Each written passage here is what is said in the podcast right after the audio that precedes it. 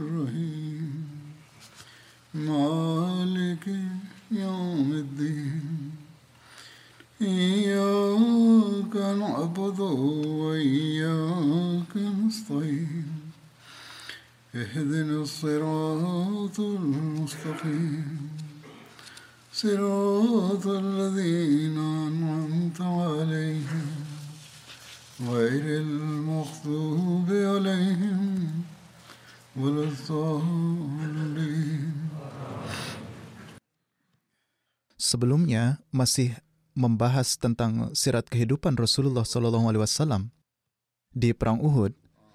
Rincian lebih lanjut adalah sebagai berikut. Rasulullah Wasallam adalah yang paling dekat dengan musuh dan ada 15 sahabat yang berdiri kokoh di sisi beliau selama pertempuran Uhud. Delapan di antaranya adalah dari kalangan muhajirin, antara lain Hazrat Abu Bakar, Hazrat Umar, Hazrat Talha, Zubair, Abdurrahman bin Auf, Sa'ad bin Abi Waqqas, Abu Ubaidah bin Jarrah, dan ada tujuh orang dari kalangan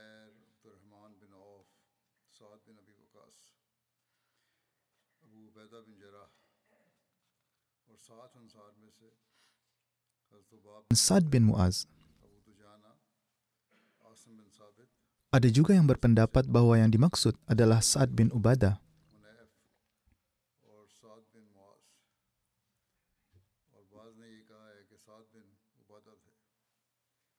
Dan Muhammad bin Maslamah pun termasuk di antara mereka juga.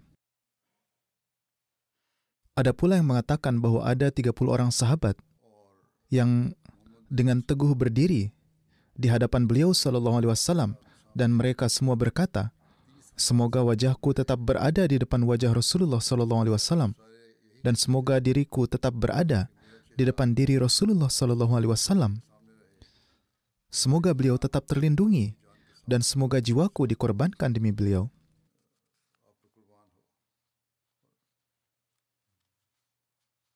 Dalam salah satu riwayat, tercatat bahwa ada 11 orang sahabat yang tetap bersama Rasulullah Wasallam dan Talha bin Ubaidullah tidak termasuk.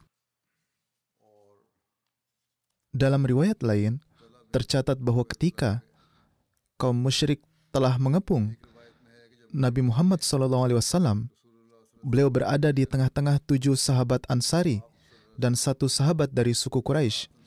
Dalam riwayat lain tercatat bahwa Nabi SAW tinggal bersama dengan sembilan orang sahabat lainnya, tujuh dari kaum Ansor, dua dari kaum Quraisy, dan Nabi SAW adalah yang ke-10.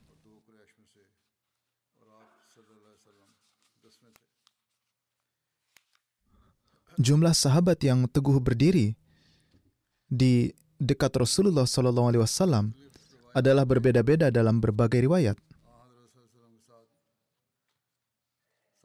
Catatan yang diterima dari Departemen Research Cell mengatakan bahwa terdapat 30 pendamping. Salah satu penjelasannya mungkin karena jumlah sahabat terus berubah pada saat itu. Ada orang yang melihat 15 maka menyebutkan 15. Lalu yang lainnya menyatakan jumlah sesuai pengamatan mereka. Para sahabat pasti terus-menerus datang menemui Rasulullah SAW dan pergi, yang mungkin menyebabkan perbedaan jumlah. Namun demikian, hal ini nampaknya benar karena telah disebutkan dalam rincian yang telah dikemukakan pada khutbah-khutbah sebelumnya bahwa para sahabat mengitari Rasulullah SAW. Namun serangan musuh mematahkan lingkaran tersebut dan akibatnya mereka berpencar dan kemudian berkumpul kembali. Bagaimanapun, kenyataannya para sahabat terus menunjukkan ketabahan mereka dan tidak ada satupun dari mereka yang takut sedikit pun. Disebutkan juga bahwa pada hari perang Uhud, Rasulullah Shallallahu Alaihi Wasallam mengambil sumpah dari para sahabat untuk mengorbankan nyawa mereka.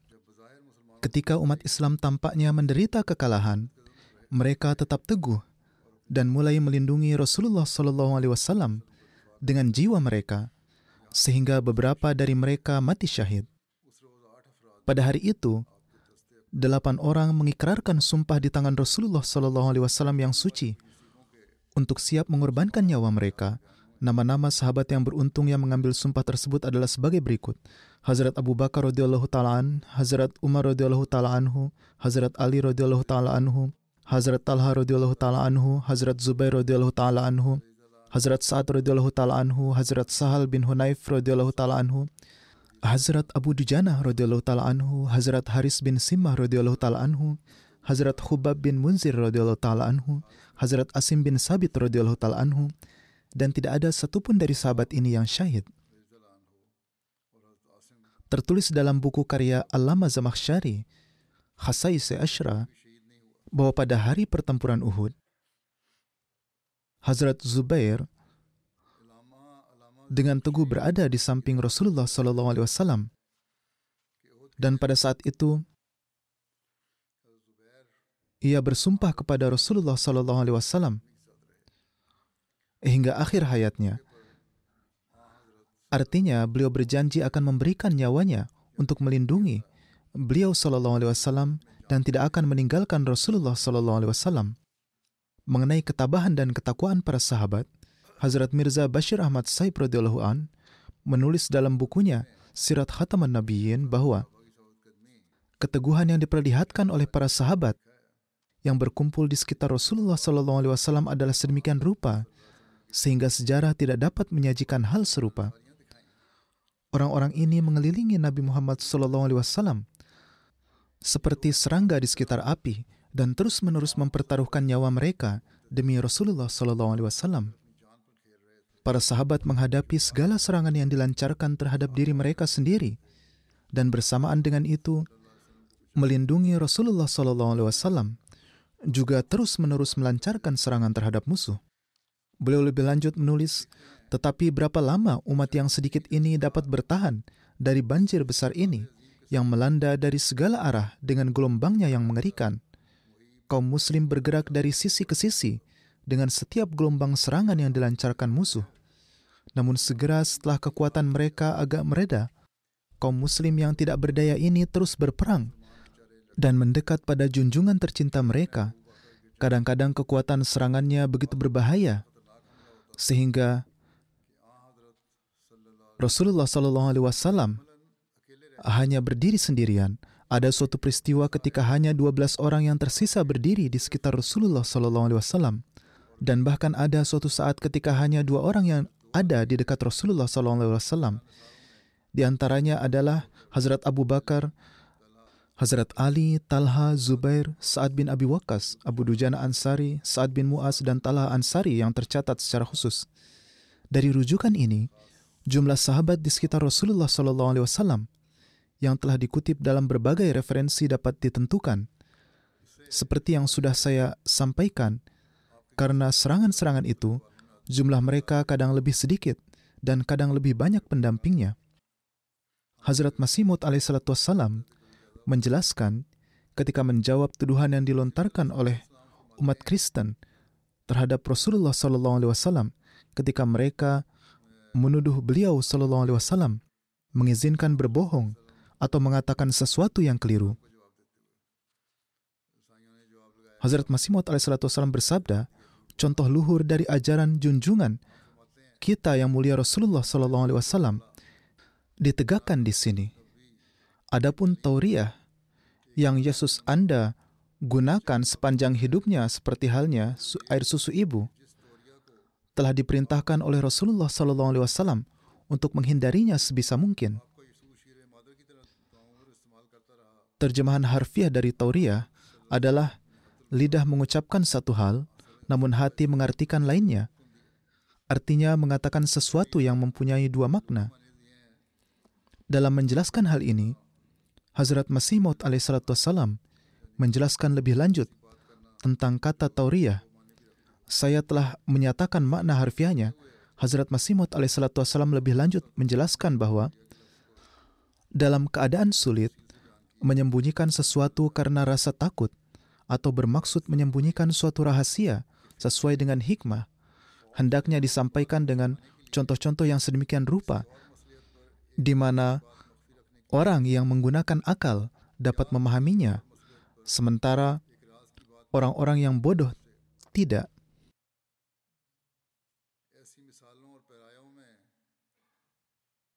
Maksudnya, bijak dalam berkata-kata agar tidak berbohong.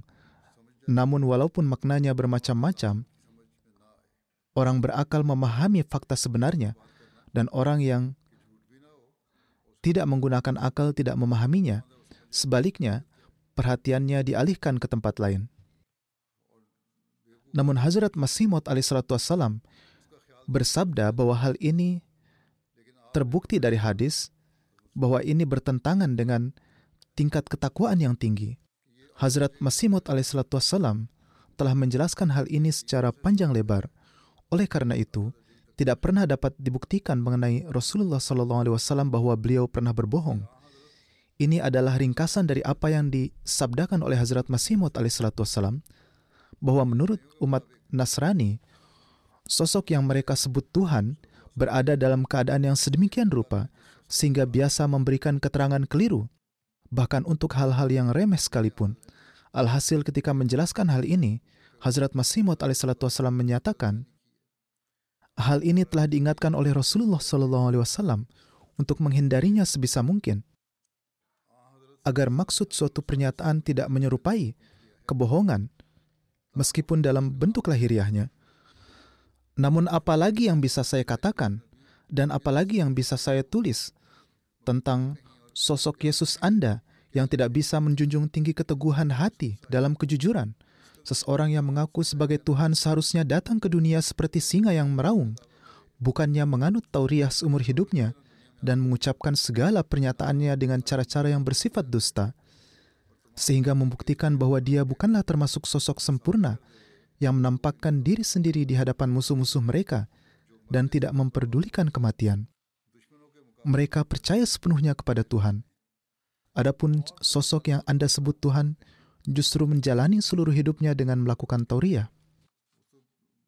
Selanjutnya Hazrat Masih Maud alaihissalam bersabda berkenaan dengan Rasulullah SAW, beliau tidak pernah menunjukkan sikap pengecut pada tahap apa pun. Beliau bertawakal kepada Allah. Adapun sosok yang mereka klaim sebagai Tuhan, Bahkan para nabi Tuhan pun tidak melakukan hal ini. Saya benar-benar menitikkan air mata ketika membayangkan bagaimana tanggapan saya jika ada yang melontarkan keberatan atas kelemahan hati Yesus dan penggunaan tauriah yang merupakan salah satu bentuk kedustaan. Ketika saya membayangkan Sang Sayyidul Mursalin sedang sendirian selama perang Uhud dan di hadapan pedang terhunus dengan lantang beliau menyatakan bahwa Akulah Muhammad sallallahu alaihi wasallam, akulah Nabi Allah dan aku adalah putra Abdul Muthalib. Namun sebaliknya, ketika saya membayangkan Yesus Anda yang sambil gemetar menasihati murid-muridnya untuk tidak memberitahu siapa pun bahwa beliau adalah Yesus Kristus, yang mana ini bertentangan dengan kenyataan meskipun pernyataan ini tidak akan menyebabkan siapa pun membunuhnya. Saya tenggelam dalam lautan kebingungan dan bertanya, Wahai Tuhan, bahkan orang ini disebut Nabi padahal standar keberaniannya di jalan Tuhan adalah seperti itu ungkapan keheranan Hazrat Masih Maud alaihissalam terhadap kisah Alkitab tentang Yesus alaihissalam adalah dalam bentuk jawaban yang seolah kembali menuduh. Bukan berarti Hazrat Masih Maud alaihissalam menolak kenabian Yesus alaihissalam. Hazrat Masih Maud alaihissalam tidak menolak bahwa Nabi Isa alaihissalam adalah seorang nabi, namun beliau menekankan bahwa keadaan nabi yang mereka nyatakan dalam kitab suci mereka sendiri dan menyatakannya sebagai putra Tuhan, mereka kemudian mencoba menuduh Rasulullah SAW dengan mengatakan bahwa beliau mengizinkan berbohong atau bertindak pengecut. Ibnu Ishaq menulis bahwa ketika orang-orang kafir tengah mengepung Rasulullah SAW, beliau bersabda, Man rajulun yashri lana nafsah. Siapa yang akan menyerahkan dirinya demi aku? Ziyad bin Sakan berdiri bersama lima sahabat Ansari. Menurut sebagian riwayat, beliau adalah Amarah bin Yazid bin Sakan dan menunjukkan keberanian yang besar. Satu demi satu mereka mempersembahkan nyawanya. Hal ini berlanjut hingga hanya Ziyad atau Amarah yang tersisa dan beliau juga menderita banyak luka. Selanjutnya sekelompok umat Islam kembali dan mengusir pasukan musyrik dari Nabi Shallallahu Alaihi Wasallam. Setelah itu Nabi SAW bersabda, bawakan Ziyad bin Sakan kepadaku. Ia dibawa menghadap Rasulullah SAW dalam keadaan hampir menghembuskan nafas terakhir. Rasulullah SAW bersabda untuk mendekatkannya kepadanya, dan para sahabat melakukannya.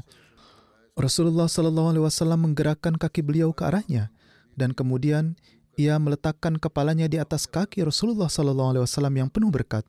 Ketika Hazrat Ziyad radhiyallahu an meninggal dunia, pipinya bertumpu pada kaki Rasulullah SAW yang penuh berkat. Beliau menderita 14 luka di tubuhnya. Hazrat Mirza Bashir Ahmad Saib radhiyallahu an menulis, pada suatu saat ketika terjadi gelombang serangan yang luar biasa dari pihak Quraisy, Rasulullah SAW bersabda, pada saat ini, siapa yang bersedia mengorbankan nyawanya di jalan Allah? Suara ini kebetulan sampai ke telinga seorang Ansari yang bersama dengan enam sahabat lainnya dari kalangan Ansar maju, dan masing-masing dari mereka mengorbankan nyawanya berperang di sekeliling Nabi Muhammad SAW.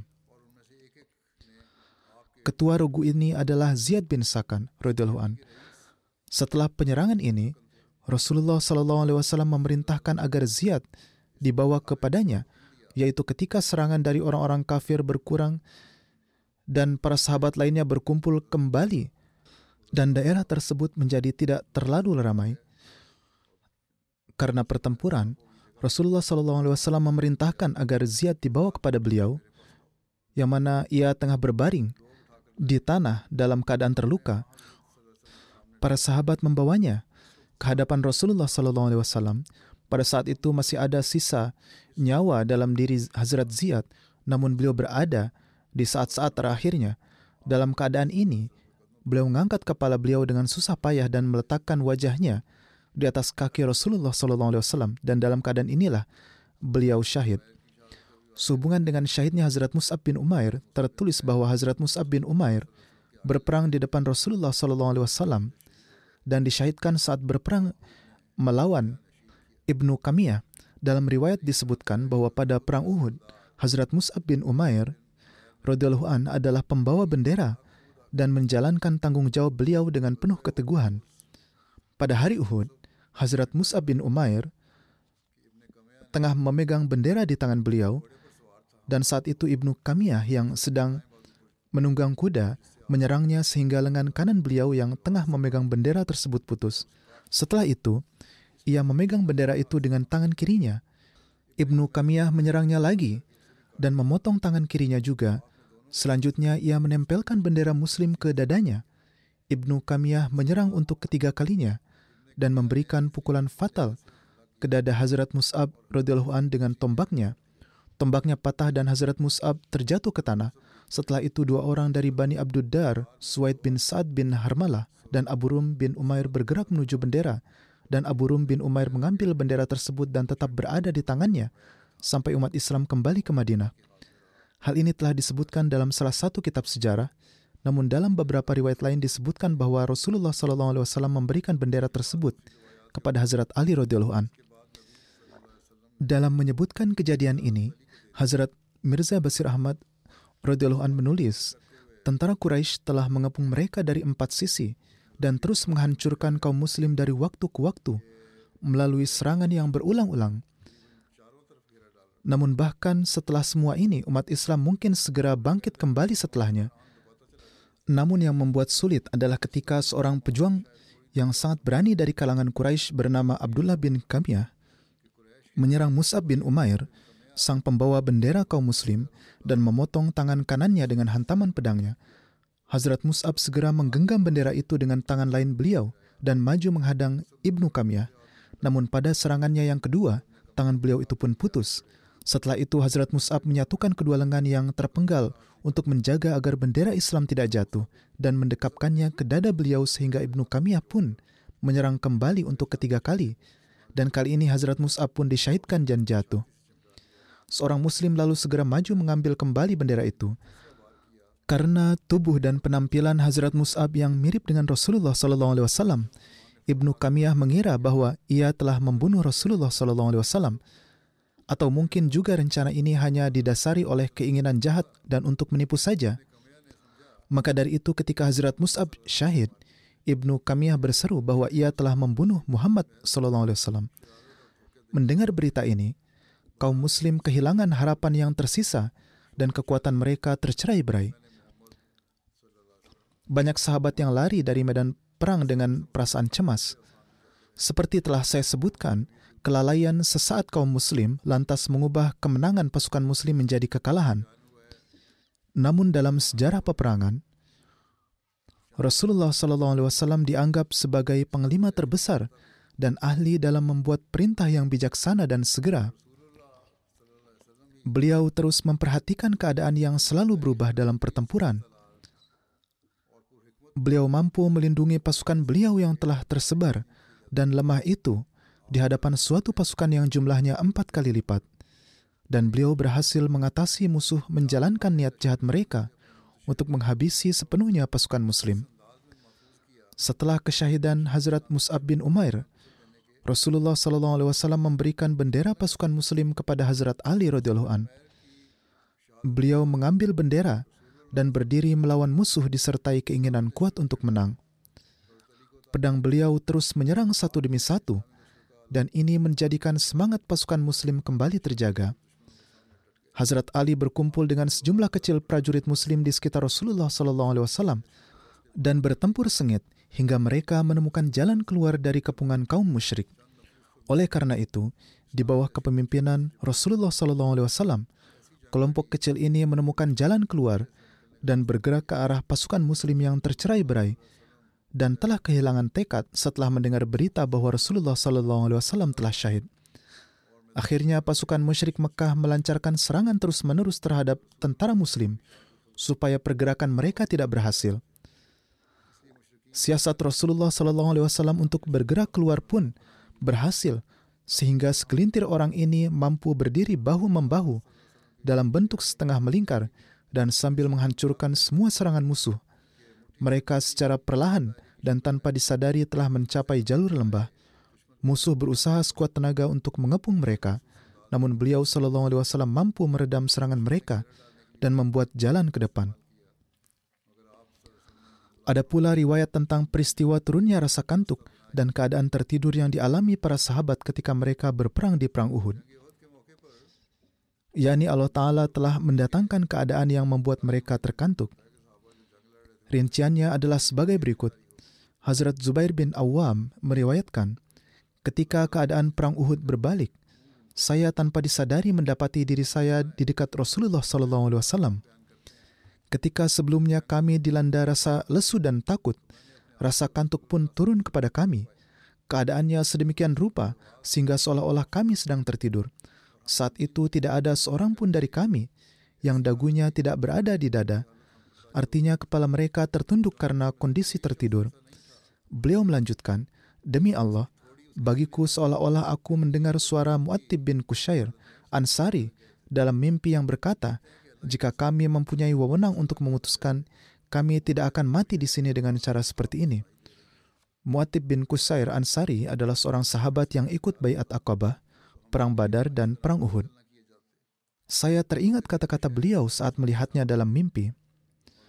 Saat keadaan seperti itu, Allah Ta'ala menurunkan ayat, ثُمَّ أَنزَلَ عَلَيْكُمْ مِنْ بَعْدِ الْغَمِّ أَمَنَةً نُعَاسًا يَغْشَى طَائِفَةٌ مِّنْكُمْ wa ta'ifatun qad ahammatuhum anfusuhum yazunnuna billahi ghairil haqqi zannil jahiliyah yaquluna hallana minal amri min syai' kul innal amra kullahu lillah yakni Kemudian sesudah kesedihan itu, dia menurunkan ketenangan atasmu, yaitu rasa kantuk yang membuat sebagian dari kamu tertidur, sedang sebagian yang lain gelisah terhadap dirinya sendiri. Mereka menganggap buruk Allah seperti pemikiran jahiliyah mereka dahulu. Mereka berkata, "Apakah ada bagi kami bagian dalam memberi keputusan?" Katakanlah, sesungguhnya semua putusan adalah milik Allah. Hazrat Ka'ab bin Amr Ansari menerangkan, pada suatu waktu di hari Perang Uhud, saya termasuk di antara 14 sahabat yang ada di sisi Rasulullah Sallallahu Alaihi Wasallam. Saat itu kami mengalami rasa kantuk yang memberikan ketentraman kepada kami, yakni rasa kantuk yang menenangkan. Meskipun berada dalam pertempuran, rasa kantuk itulah yang memberi kami ketentraman. Tidak ada satupun di antara kami yang dagunya tidak tertunduk dan tidak terdengar suara dengkurannya. Beliau melanjutkan, saya melihat pedang Bishr bin Bara bin Ma'rur terlepas dari tangannya dan jatuh tanpa ia merasakannya, padahal kaum musyrik melancarkan serangannya kepada kami. Hazrat Khalifatul Masih Rabi dalam menafsirkan ayat ini menulis, mungkin saja beliau hanya merasa seolah-olah pedang telah jatuh karena pada saat itu mereka sedang dalam keadaan tertidur, padahal senjata masih mereka pegang dengan erat. Jadi, saat itu mereka merasakan senjata mereka jatuh. Di ayat ini digunakan kata nuas. Tafsirnya adalah dari berbagai sisi penerjemahan kata amanatan nuasan, maknanya secara ringkas adalah setelah kesedihan, Tuhan menurunkan suatu ketentraman yang sedemikian rupa seperti halnya rasa kantuk. Atau maknanya Tuhan menurunkan rasa kantuk yang di dalamnya terkandung ketentraman, atau Tuhan menurunkan kedamaian seperti halnya pengaruh yang timbul dari rasa kantuk. Arti dari amanatan nuasan juga merupakan keadaan sementara di mana seseorang diliputi rasa tertidur dan sejenak kepala tertunduk. Namun kata nuas yang digunakan di sini tidaklah mengacu pada jenis tertidur lelap, melainkan suatu keadaan antara terjaga dan tertidur. Sebelum tertidur, seseorang memasuki tahap peralihan tidur di mana seluruh tubuhnya merasa tenang dan jika keadaan tenang ini terus berlanjut maka ia akan mengarah pada keadaan tidur. Jika keadaan seperti ini terus berlangsung, ia tidak akan jatuh karena ia akan tersadar sebelum jatuh dan ia akan segera mengetahui keadaan mereka saat itu. Namun jika mereka memasuki keadaan tidur, maka mereka tidak memiliki kendali atas tubuhnya. Meskipun demikian, ada kemungkinan bahwa ini bermakna Bishr bin Bara radhiyallahu an telah tertidur lelap meskipun dalam keadaan perang dan ia merasakan keadaan tentram. Dan dalam keadaan seperti itu seseorang juga dapat terjatuh. Jadi jika ini pun dianggap benar terjadi yaitu tidur, maka genggaman tangannya akan mengendur dan pedangnya akan jatuh. Namun ini adalah keadaan yang membuat seseorang segera menyadari bahwa mereka akan memasuki keadaan tidur nyenyak dan orang tersebut tiba-tiba tersentak dan terbangun. Oleh karena itu Allah Ta'ala berfirman, kami menganugerahkan kepada kalian keadaan damai yang serupa dengan keadaan tertidur. Akan tetapi ini tidaklah sedalam keadaan tidur, di mana seseorang tidak dapat mengendalikan tubuhnya. Jadi keadaan itu memberikan mereka perasaan damai tetapi tidak membuat mereka tidak sadar sama sekali. Demikian pula dalam hadis Bukhari, Hazrat Abu Talha meriwayatkan, tepat di tengah-tengah perang Uhud, kami diliputi rasa kantuk. Ini adalah rasa kantuk seperti yang telah disebutkan sebelumnya. Hazrat Talha radhiyallahu an menuturkan bahwa pedangnya sudah sedikit lagi akan jatuh, namun beliau memegangnya kembali. Oleh karena itu hadis ini menunjukkan bahwa ini bukanlah keadaan tertidur yang mana benda langsung jatuh dari tangan mereka atau mereka langsung jatuh saat berjalan. Itu adalah keadaan penuh ketentraman, namun mereka masih memiliki kendali atas tubuh mereka. Saat itu senjata mereka sedikit lagi akan jatuh, tetapi mereka segera menggenggamnya lagi. Keadaan tertidur ini tidak muncul begitu saja secara tiba-tiba, namun ini adalah suatu keadaan yang mereka alami yang terjadi hingga waktu yang cukup lama. Ada riwayat dalam Tirmizi Abu Abu Tafsir dari Hazrat Abu Talha yang menuturkan, Pada hari Uhud, saya menengadahkan wajah saya dan melihat bahwa setiap orang sedang tertidur dan berlindung di balik perisai mereka. Karena terus terjaga atau kelelahan yang luar biasa, keadaan para sahabat saat itu sangatlah menyedihkan. lalu disusul dengan keadaan ini. Dalam keadaan ini Allah Ta'ala menurunkan kepada mereka keadaan nyaman dan tentram. Lebih lanjut, beliau meriwayatkan bahwa hal ini tidak hanya terjadi pada satu orang saja, bahkan semua sahabat yang ikut berperang bersama Hazrat Akdas Rasulullah SAW melawan musuh, mereka tiba-tiba dilanda keadaan ini seolah-olah keadaan ini diturunkan dari langit dan meliputi semuanya. Pada saat itu, mereka sangat membutuhkan keadaan damai dan kesempatan untuk menyegarkan kembali diri mereka, padahal itu bukanlah waktunya untuk tidur. Dalam keadaan di mana seseorang sangat lelah, mereka dapat mengalami keadaan seperti itu. Namun, jika seluruh orang di suatu golongan merasakan kantuk di waktu yang sama, dan itu juga terjadi pada saat pertempuran sedang berlangsung, dan saat itu ada bahaya besar dari musuh, maka keadaan seperti ini sungguh merupakan sebuah mukjizat dan bukan sekedar kebetulan belaka. Hal ini dapat terjadi pada seseorang, namun kejadian ini bukanlah suatu kebetulan, melainkan suatu mukjizat dan ini adalah suatu keadaan damai yang khusus yang diturunkan kepada mereka pada saat itu oleh Allah Ta'ala. Allamah Abdul Razak meriwayatkan dari Zuhri, pada hari Uhud, wujud beberkat Rasulullah SAW diserang sebanyak 70 kali dengan pedang, namun Allah Ta'ala menyelamatkan beliau dari setiap serangan. Ibnu Hajar Asqalani menyatakan bahwa ada kemungkinan bahwa Zuhri secara harfiah mengartikannya sebagai 70 serangan atau untuk menunjukkan jumlah yang lebih besar dari ini. Hazrat Aqdas Masih Maud alaihissalam bersabda, orang-orang yang dianggap paling berani di pertempuran adalah mereka yang berdiri di samping Rasulullah SAW. Karena beliau SAW akan berdiri di tempat yang paling berbahaya. Subhanallah, Maha Suci Allah, betapa tinggi kemuliaan beliau. Ambillah contoh perang Uhud di mana terjadi serangan pedang yang tiada henti dan peperangan yang begitu sengit hingga para sahabat tidak dapat menahannya. Namun sosok beliau yang gagah berani ini tetap berjuang dengan keteguhan. Tidaklah para sahabat melakukan kesalahan karena Allah Ta'ala telah mengampuni mereka. Dan sebenarnya hikmah di baliknya adalah agar supaya tampak terang benderang contoh keberanian Rasulullah SAW. Hazrat Masih Maud bersabda, pada suatu saat terjadi serangan pedang dari segala arah. Namun beliau secara lantang mengumumkan kenabian beliau dengan bersabda, Aku adalah Muhammad, utusan Allah. Diriwayatkan bahwa wajah Nabi SAW menderita 70 luka, namun lukanya tidaklah dalam. Ini adalah sifat yang agung beliau SAW. Abu Amir meriwayatkan tentang peristiwa Rasulullah SAW yang terjatuh di dalam lubang. Riwayatnya adalah sebagai berikut. Abu Amir Fasik menggali sejumlah lubang di medan perang Uhud agar kaum muslim jatuh ke dalamnya tanpa mereka sadari sehingga terus mengalami kerugian. Rasulullah SAW juga jatuh ke dalam salah satu lubang tersebut tanpa beliau sadari. Beliau SAW jatuh pingsan dan kedua lutut beliau terluka. Hazrat Ali dengan cepat berlari ke arah beliau dan menopang beliau dan Hazrat Talha bin Ubaidullah pun mengangkat beliau dan membantunya. Seorang bernama Kamiah yang celaka itulah yang menyebabkan Rasulullah SAW terjatuh. Saat ia menyerang Rasulullah SAW dan menebas beliau dengan pedangnya, pedang itu mengarah leher beliau SAW. Meskipun pedang itu sendiri tidak melukai beliau, namun pukulannya yang kuat menyebabkan leher beliau yang beberkat itu tersentak ke belakang, sehingga beliau mengalami sakit sedemikian rupa di leher beliau setelah itu hingga sebulan atau lebih. Pada saat yang sama, ia mulai melemparkan batu ke arah Rasulullah SAW dan salah satunya menghantam sisi wajah beliau.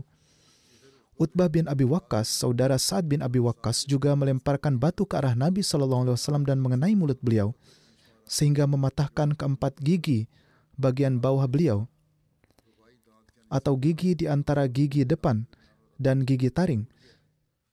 Begitu pula bibir bagian bawah beliau juga tersobek. Imam Ibnu Hajar Asqalani menyatakan bahwa sebagian gigi beliau patah. Bukanlah seluruh gigi beliau itu patah hingga ke akarnya. Ketika Sa'ad bin Abi Waqqas, saudara laki-laki Utbah mengetahui bahwa saudaranya lah yang menyerang Rasulullah SAW, beliau lalu memasuki barisan pasukan musuh untuk mencarinya dengan niat balas dendam. Beliau sendiri berkata, mungkin tidak ada hal lain yang kuinginkan di dunia ini selain membunuhnya. Namun Utbah mengelak dan kabur saat kembali sekali lagi mencarinya, tetapi setiap kali ia berhasil menghindarinya ketika beliau hendak pergi untuk ketiga kalinya, Rasulullah SAW berkata kepada Hazrat Sa'ad, Wahai hamba Allah, apakah engkau berniat menyerahkan nyawamu? Hazrat Sa'ad mengatakan bahwa dengan cara ini, Nabi SAW menghentikannya sehingga ia tidak pergi, yaitu Rasulullah SAW memanjatkan doa berikut untuk Utbah bin Abi Waqqas, Allahumma la yahulu alaihil haula hatta yamuta kafiran. Ya Allah, jangan biarkan satu tahun berlalu baginya hingga ia meninggal dalam keadaan kafir. Allah Ta'ala mengabulkan doa beliau Sallallahu Alaihi Wasallam sehingga pada hari itu juga Hazrat Hatib bin Abi Balta membunuhnya. Hazrat Hatib bersabda, ketika saya melihat kelancangan yang keji dari Utbah bin Abi Waqqas, saya segera bertanya kepada Rasulullah Sallallahu Alaihi Wasallam di mana Utbah berada. Beliau Sallallahu Alaihi Wasallam menunjukkan kepadaku arah ke mana dia telah pergi. Aku pun segera mengejarnya hingga akhirnya menemukannya. Aku dengan cepat menebasnya dengan pedangku sehingga lehernya terpotong dan kepalanya jatuh ke tempat yang jauh. Aku mengambil pedang dan kudanya dan membawanya kepada Rasulullah Sallallahu Alaihi Wasallam. Mendengar berita ini, Rasulullah Sallallahu Alaihi Wasallam bersabda dua kali, "Radiyallahu anka, radhiyallahu anka, Allah telah ridha kepadamu, Allah telah ridha kepadamu. Dalam serangan ini, helm perang yang dikenakan oleh Rasulullah Sallallahu Alaihi Wasallam juga pecah. Dan karena serangan musuh yang terus-menerus, Rasulullah Sallallahu Alaihi Wasallam menderita luka di wajah dan kulit beliau. Salah satu orang yang menyerang wajah suci Rasulullah Sallallahu Alaihi Wasallam adalah Abdullah bin Sahab Zuhri yang kemudian masuk Islam. Rincian mengenai hal ini masih akan berlanjut dan akan disampaikan di masa mendatang insya Allah. Saat ini saya ingin menyebutkan beberapa anggota yang telah wafat. Yang pertama disebutkan adalah Mukarram Abu Hilmi Muhammad Ukasha Sahib dari Palestina. Tuan Syarif Odeh menulis tentang beliau beberapa hari yang lalu. Saudara Ahmadi kami di Gaza, Tuan Muhammad Ukasha telah disyahidkan secara keji jenazahnya ditemukan agak jauh dari rumahnya. Innalillahi wa inna ilaihi rajiun. Almarhum adalah seorang Ahmadi yang sangat mukhlis. Beliau berusia 75 tahun. Beliau pindah dari desanya ke kota Jabalia di Gaza dan tinggal di kampung ngungsi. Beliau memiliki tujuh putra, lima putri, dan 35 cucu. Salah satu cucunya mengatakan bahwa mereka tidak dapat menghubunginya selama beberapa minggu. Pada masa genjatan senjata sementara, ia pergi mencarinya tetapi tidak menemukannya di rumahnya. Jenazahnya ditemukan 100 meter dari rumahnya di antara jenazah-jenazah lainnya. Beliau disyahidkan dengan cara ditembak di kepala. Seorang Ahmadi di Gaza bernama Tuan Yasir Syahian mengatakan, 10 tahun yang lalu almarhum memasang parabola dan meminta saya membantunya menemukan saluran MTA saat itu saya belajar tentang Ahmadiyah melalui beliau. Beberapa waktu kemudian, beliau memberi saya rincian lebih lanjut tentang jemaat dan mengirimi saya beberapa buku. Kemudian untuk jangka waktu tertentu kami terus berdebat. Saya kemudian sholat istikharah. Setelah itu saya dan istri saya mengikrarkan bayat. Tuan Muhammad Ukasha sangat senang dengan bayat saya. Setelah itu hubungan kami menjadi lebih kuat. Beliau menyampaikan kepada saya tafsir ayat-ayat Al-Quran selama berjam-jam. Beliau membacakan kutipan dari tafsir kabir untuk saya dan menjelaskan berbagai permasalahan seperti nasih mansuh dan lainnya kepada saya. Cara bicara beliau sangat menyenangkan. Beliau telah cukup lama menulis sebuah buku dan beliau biasa menelepon saya untuk memperdengarkan bukunya guna menyempurnakannya dan mengemukakan berbagai hal untuk didiskusikan. Beliau berniat untuk memperluas rumahnya agar memiliki perpustakaan yang di dalamnya beliau dapat menyimpan fotokopi buku-buku jemaat namun keluarganya bersikap aniaya kepadanya karena beliau adalah seorang Ahmadi sehingga beliau tidak dapat memenuhi keinginannya tersebut. Melalui beliaulah saya mengenal jemaat di Gaza. Kami semua biasa mengunjungi beliau di ruang tamunya. Di tahun-tahun terakhirnya karena kesehatan yang buruk, beliau sering berada di rumahnya karena sulit untuk bergerak. Ahmadi lain dari Gaza menuturkan, almarhum bertubuh tinggi dan berjanggut putih pengaruh dari kesalehan dan ketakwaannya dapat langsung dirasakan oleh siapa pun yang diajak bicara oleh beliau. Beliau selalu sibuk berzikir ilahi dan membaca buku-buku jemaat. Keinginan besar beliau adalah supaya jemaat memiliki masjid di dekat rumah beliau. Selama perang pada tahun 2014, beliau menulis sebuah artikel yang mengatakan bahwa telah dekat masanya ketika kuburan akan dibombardir dan batu-batu nisannya akan berserakan. Persis seperti inilah yang terjadi. Meski diterpa kesulitan, beliau selalu menemui setiap orang dengan senyuman. Beliau sangat dermawan, cerdas dan mampu membaca apa yang dipikirkan orang lain dengan cepat. Tuan Dr. Yusuf berkata, Saudara Hilmi sangat mukhlis dan merupakan seorang Ahmadi sejati. Bahkan sebelum beliau menjadi seorang Ahmadi, pemikiran dan perilakunya sudah seperti seorang Ahmadi. Oleh karena itu, begitu beliau mengetahui tentang jemaat, beliau langsung bayat. Setelah bayat, beliau berbicara kepada para ulama dan penduduk setempat lainnya berkenaan dengan Ahmadiyah, sehingga beliau menghadapi banyak penentangan dan kesulitan dari keluarganya.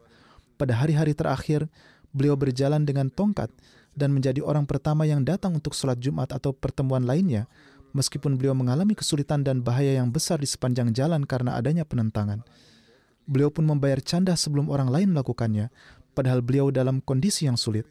Beliau mendambakan agar jemaat dan ajaran-ajarannya dapat disebarkan ke seluruh dunia, karena dalam hal inilah terletak jalan keluar bagi semua permasalahan umat manusia.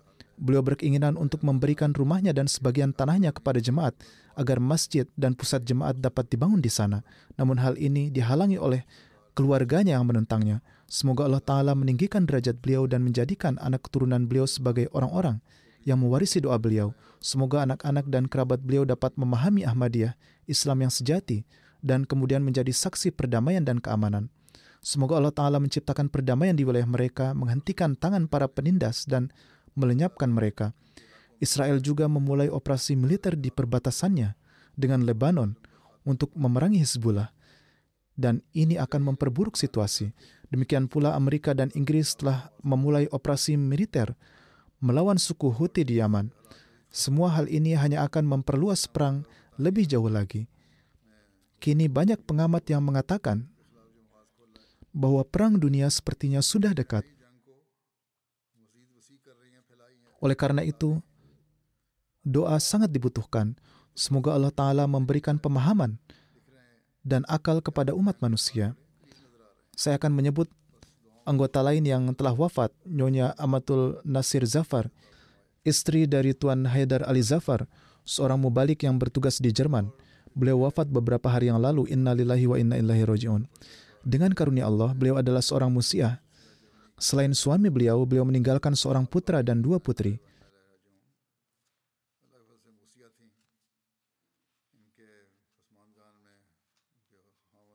Kakek dari pihak ibu yaitu Chaudhry Aminullah Sahib radhiyallahu an adalah sahabat Hazrat Masih Maud alaihissalam. Maulana Haidar Ali Zafar menulis, saya adalah seorang mubalik dan bertugas di lapangan. Almarhumah tinggal jauh dari saya selama kurang lebih 12 tahun, tetapi tidak pernah sekalipun mengeluh kepada saya tentang hal itu. Suatu kali ketika ada sesuatu yang muncul dan mengganggunya, saya bertanya mengapa beliau tidak memberitahu saya lebih awal. Sebagai tanggapan, beliau mengatakan bahwa beliau tidak ingin mengganggu saya saat bertugas di lapangan. Di Frankfurt, beliau juga menjabat sebagai ketua Lajnah Imailah Jemaat Baitus Sabu. Pada kesempatan tahun Jubili Khilafat, beliau berkhidmat sebagai ketua Lajnah Imailah Frankfurt. Beliau sangat teratur dalam sholat dan puasa. Beliau rajin tahajud dan dawa membaca Al-Quran. Beliau sangat dermawan dan penuh perhatian serta biasa membayar canda tepat pada waktunya.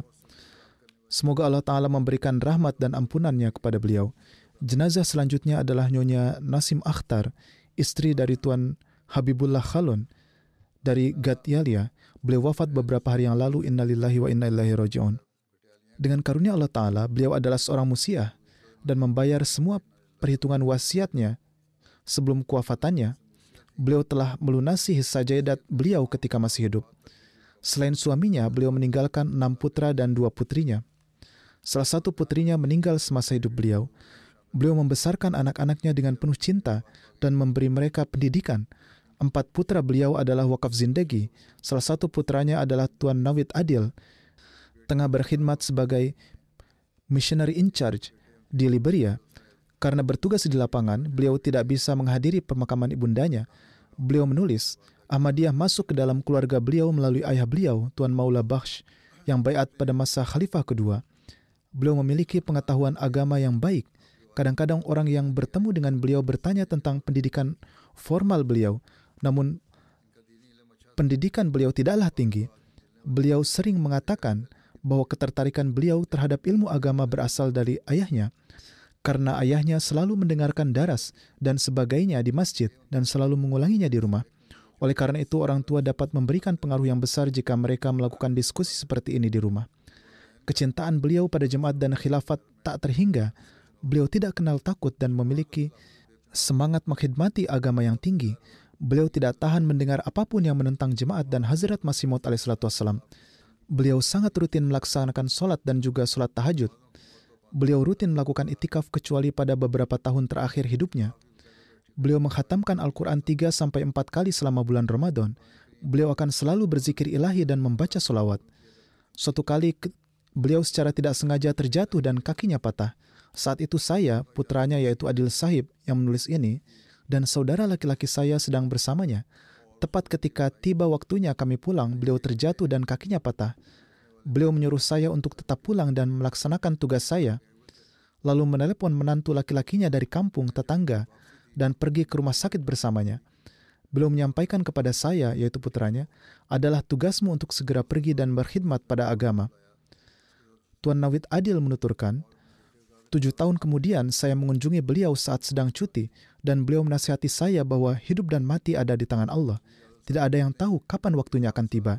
Jika waktu seperti itu terjadi, jangan datang dan meninggalkan tempat tugasmu. Lebih baik tetap di sana. Oleh karena itu, beliau tetap berada di pusat jemaat di sana dan tidak dapat menghadiri pemakaman ibunya. Jenazah selanjutnya adalah Nyonya Mubarakah Begum, istri dari Tuan Rashid Ahmad Zamir dari Bashirabad. Beliau wafat beberapa hari yang lalu. Innalillahi wa inna ilaihi rajiun. Ahmadiyah masuk ke dalam keluarga beliau melalui ayahnya, Tuan Bahawul Haq, yang bayat pada tahun 1948 di tangan Hazrat Khalifatul Masih Sani radhiyallahu. Beliau memiliki banyak sifat istimewa. Beliau rutin melaksanakan sholat lima waktu dan tahajud. Beliau adalah seorang wanita saleha dan berakhlak baik dan tanpa pamrih dalam mengkhidmati jemaat. Beliau mendapatkan taufik berkhidmat dalam berbagai jabatan dalam jemaat. Beliau juga menjabat sebagai ketua lajnah. Beliau melewati hampir seluruh hidupnya untuk mengkhidmati jemaat. Beliau mengajarkan Al-Quran kepada ratusan anak laki-laki dan perempuan. Beliau sangat menjaga pardah dan menanamkan kebiasaan ini pada diri anak-anak perempuan. Beliau aktif ikut ambil bagian dalam pengkhidmatan kemanusiaan. Beliau memenuhi kebutuhan orang miskin dan janda. Beliau membantu banyak gadis miskin dan yatim piatu untuk menikah. Beliau mengajarkan menjahit kepada banyak gadis.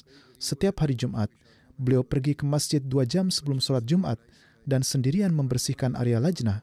Setelah itu beliau melaksanakan sholat sunnah. Beliau sangat amanah dan dapat dipercaya. Karena sikap amanah beliau ini banyak wanita yang mempercayakan perhiasan dan uang mereka kepada beliau sebagai amanat. Beliau tidak pernah bertengkar dengan siapa pun, juga tidak pernah bersikap tidak sopan. Beliau memiliki akhlak yang sangat luhur. Dengan karunia Allah Ta'ala, beliau adalah seorang musiah. Ketika beliau mengikuti gerakan al-wasiat, beliau juga mendaftarkan putri-putrinya Demikian juga beliau mendorong perempuan lain di desanya untuk mengikuti gerakan al-wasiat. Selain suaminya, beliau meninggalkan seorang putra dan lima putri. Beliau adalah ibu mertua dari Tuan Usman Ahmad, seorang mubalik yang bertugas di Rakim Press di Sierra Leone. Dan Tuan Saadat Ahmad, mubalik yang bertugas di Burkina Faso. Kedua putrinya yang menikah dengan para mubalik ini tidak dapat mendampinginya pada saat-saat terakhirnya. Mereka tetap di tempat tugas mereka, Putri beliau, Nyonya Asifa menulis, saya mendapatkan taufik untuk berkhidmat bersama suami saya, Usman Ahmad Sahib di Sierra Leone. Karena bertugas di lapangan, saya tidak bisa menghadiri pemakaman ibu saya. Demikian pula adik perempuan saya, Maryam Bushra, berada di Burkina Faso dan juga tidak dapat hadir. Semoga Allah Ta'ala memberi mereka kesabaran dan kekuatan. Dan semoga Allah Ta'ala memberikan rahmat dan pengampunan kepada almarhumah. Semoga Allah Ta'ala mengabulkan doa-doa almarhumah untuk anak-anaknya.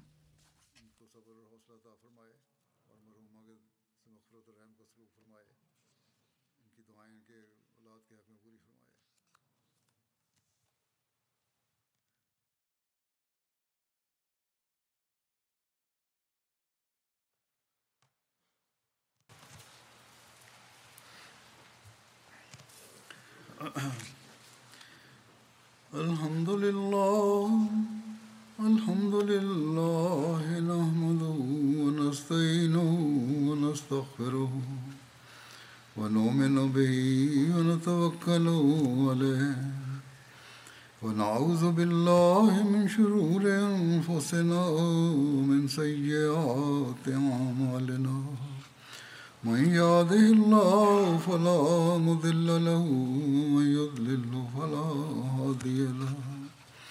ونشهد أن لا إله إلا الله ونشهد أن محمدا عبده ورسوله.